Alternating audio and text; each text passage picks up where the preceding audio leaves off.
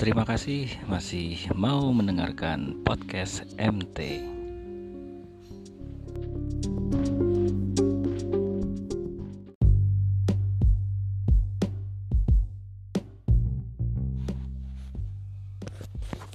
Saya dapat sebuah buku berjudul Guys, Indonesia tuh bineka loh. Sebuah petualangan mengenal dan mencintai Indonesia dari uh, Kak Milastri Muzakar atau saya biasa memanggilnya Kak Mila. Buku ini terbitan Elek Media Komputindo, kelompok Gramedia dan uh, diterbitkan akhir tahun 2019 kemarin.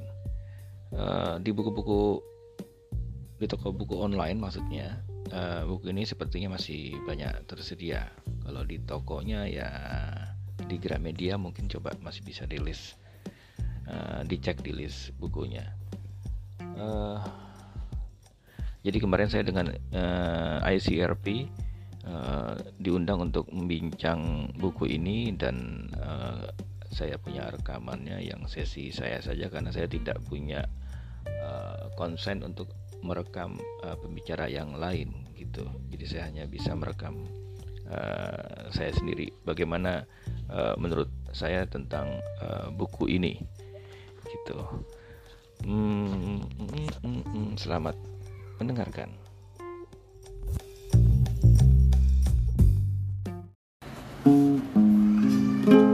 Potongan aja lah ya. Yang sedang uh, suasananya lagi suasana kayak gini lah Indonesia. Pikiran dan hati kami gelisah Menimbang masa depan dengan gamang. Sungguh hati kami tak tenang. Sungguh kami takut Ya Allah. Udah gitu aja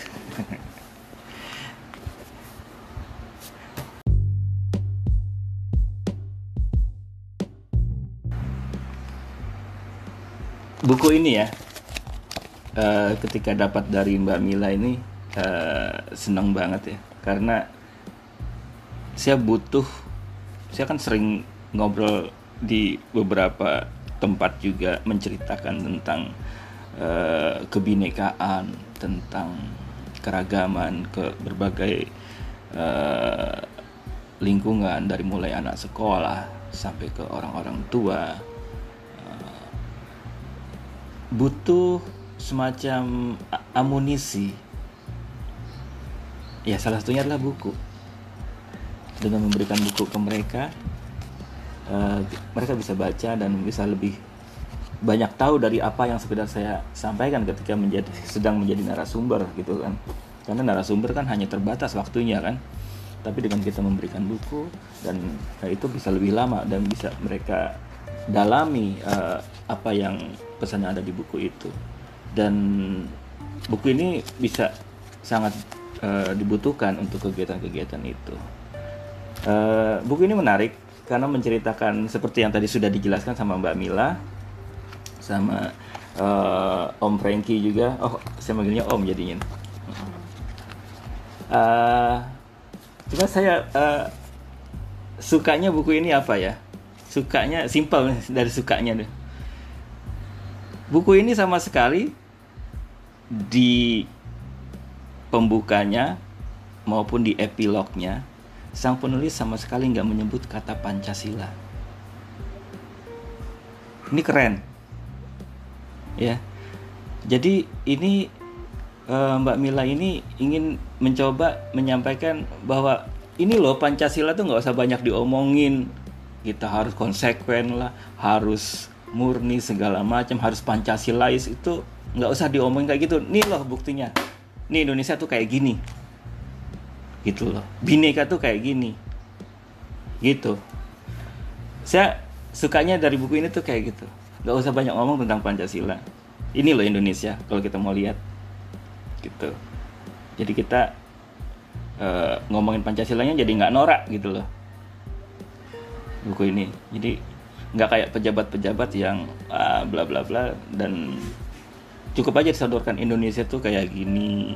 Bagaimana perempuan di Mosintowo bagaimana uh, emak-emak di Papua bagaimana ada masjid Gang Bengkok yang di donasinya itu dari seorang uh, saudagar Chong Afi kan kayak di Medan sana kayak gitu. Nah karena apa? Uh,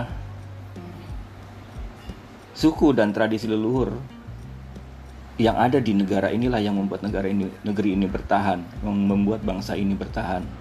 Ada eh, sekira 1340 suku yang sama pemerintah eh, dikategorikan dalam 300 kategori. Itu ada datanya di BPS tahun 2010 ya.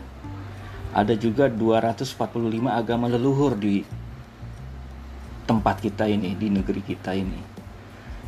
Dan 245 itu nggak bisa dipaksa menjadi enam agama yang diakui. 1340 suku bangsa nggak bisa dimasukkan dalam satu kategori. Itu semuanya harus beda-beda. Seperti yang uh, disampaikan oleh Glenn Fredly almarhum uh, adat itu adalah identitas oleh karena itu jangan berupaya untuk melupakan adat. Karena Indonesia bisa bertahan karena banyak masyarakat adat yang masih bertahan, yang punya spiritualitas uh, yang tetap terjaga, mereka menjaga bumi. Ya kayak di suku Badi, suku Badi mempunyai satu kesadaran bahwa mereka lah yang uh, tugasnya untuk menjaga bumi dengan uh, spiritualitas mereka. Kan gitu. Di suku-suku yang lain pun kayak kayak gitu. Masing-masing punya cara. Dan ini nggak bisa kita paksakan kita seragamkan bahwa uh, itu adalah uh, kita klaim bahkan itu adalah budaya Pancasila. Enggak itu adalah budaya mereka ya. Uh, budaya karo ya karo. Gitu. Nah uh, ini Indonesia beragam seperti itu. Dan uh, kita harus seperti yang disampaikan di buku ini cara menyampaikannya enak gitu. Bahwa budaya-budaya itu ternyata menarik gitu untuk didalami untuk ikut terlibat. Orang yang baca buku ini ya itu mikirnya satu. Pengen banget seperti yang Pak Pendeta tadi bilang pengen banget untuk me, menemukan apa yang tidak ditemukan ketika Pak Pendeta datang ke sana ke tempat yang sama. Tapi, kok Mbak Mila bisa nemuin gitu kan?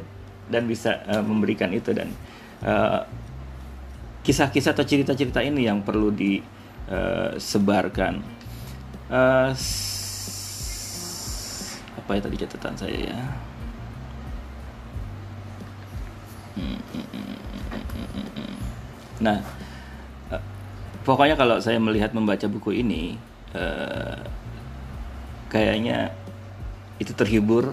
Indonesia itu sangat beragam Indonesia itu sangat indah masyarakatnya yang namanya gotong royong itu bukan cuma sekarang gotong royong sejak sebelum uh, republik ini berdiri.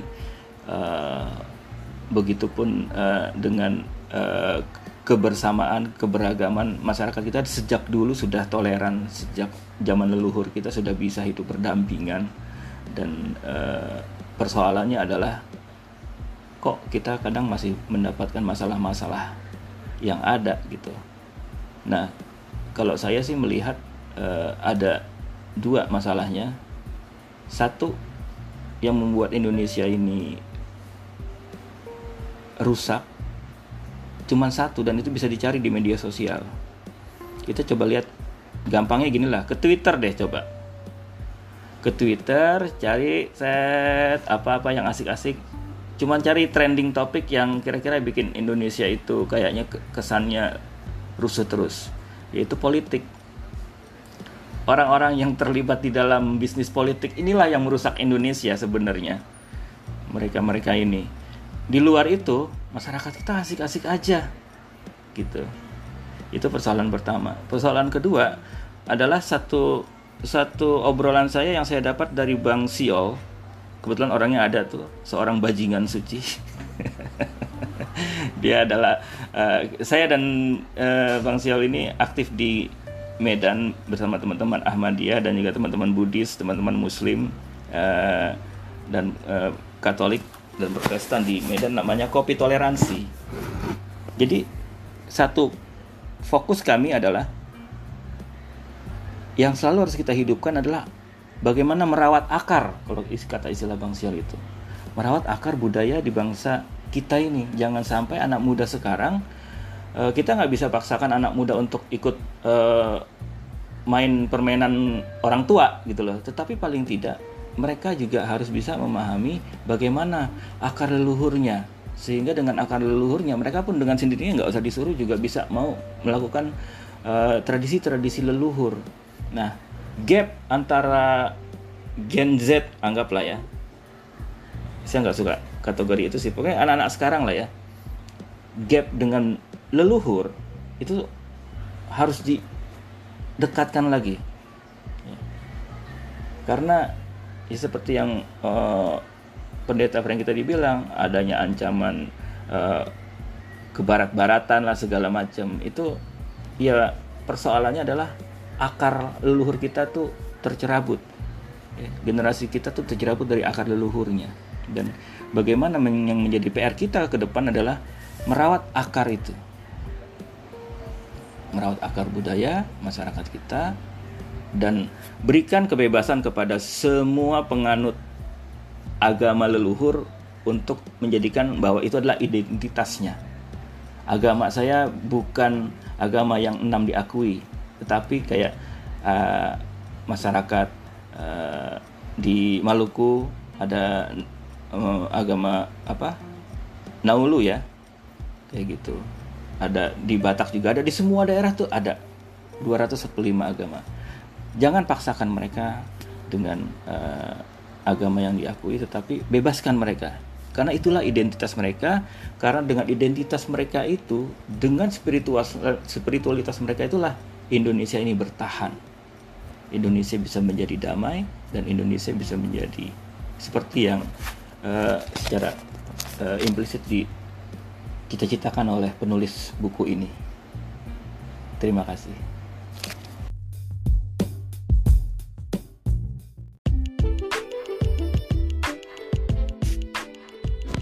Sebentar, saya mau ngopi dulu.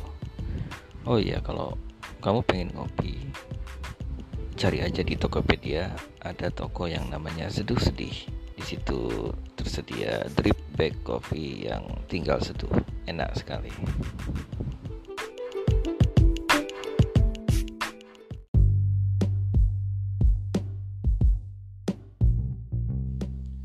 Kesimpulan saya terhadap buku Guys Indonesia to Binika loh itu uh, ini buku seperti sebuah etalase tentang Indonesia.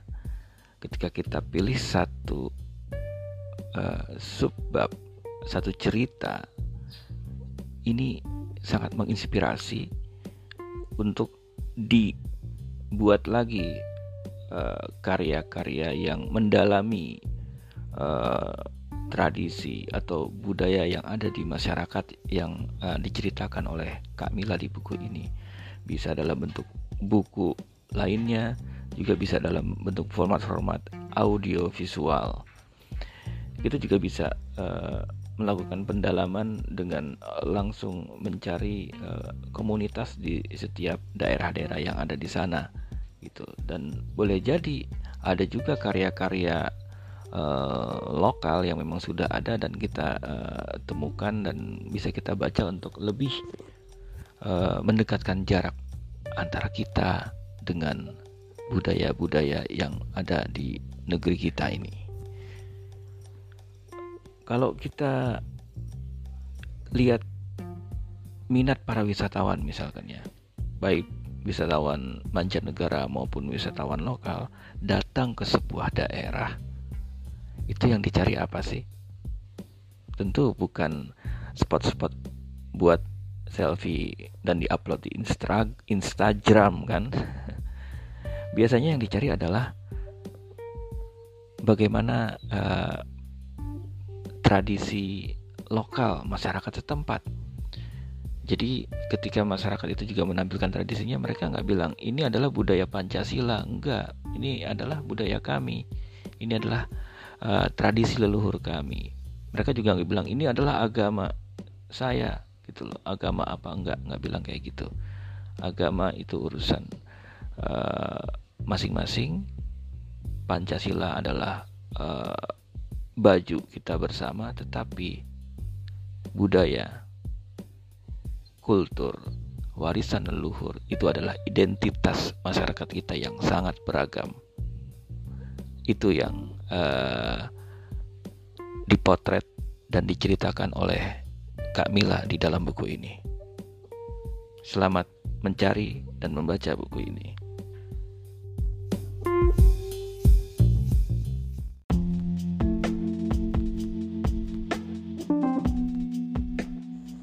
Terima kasih buat teman-teman yang masih mendengarkan podcast MT. Kita berjumpa lagi nanti di episode yang selanjutnya. Bye.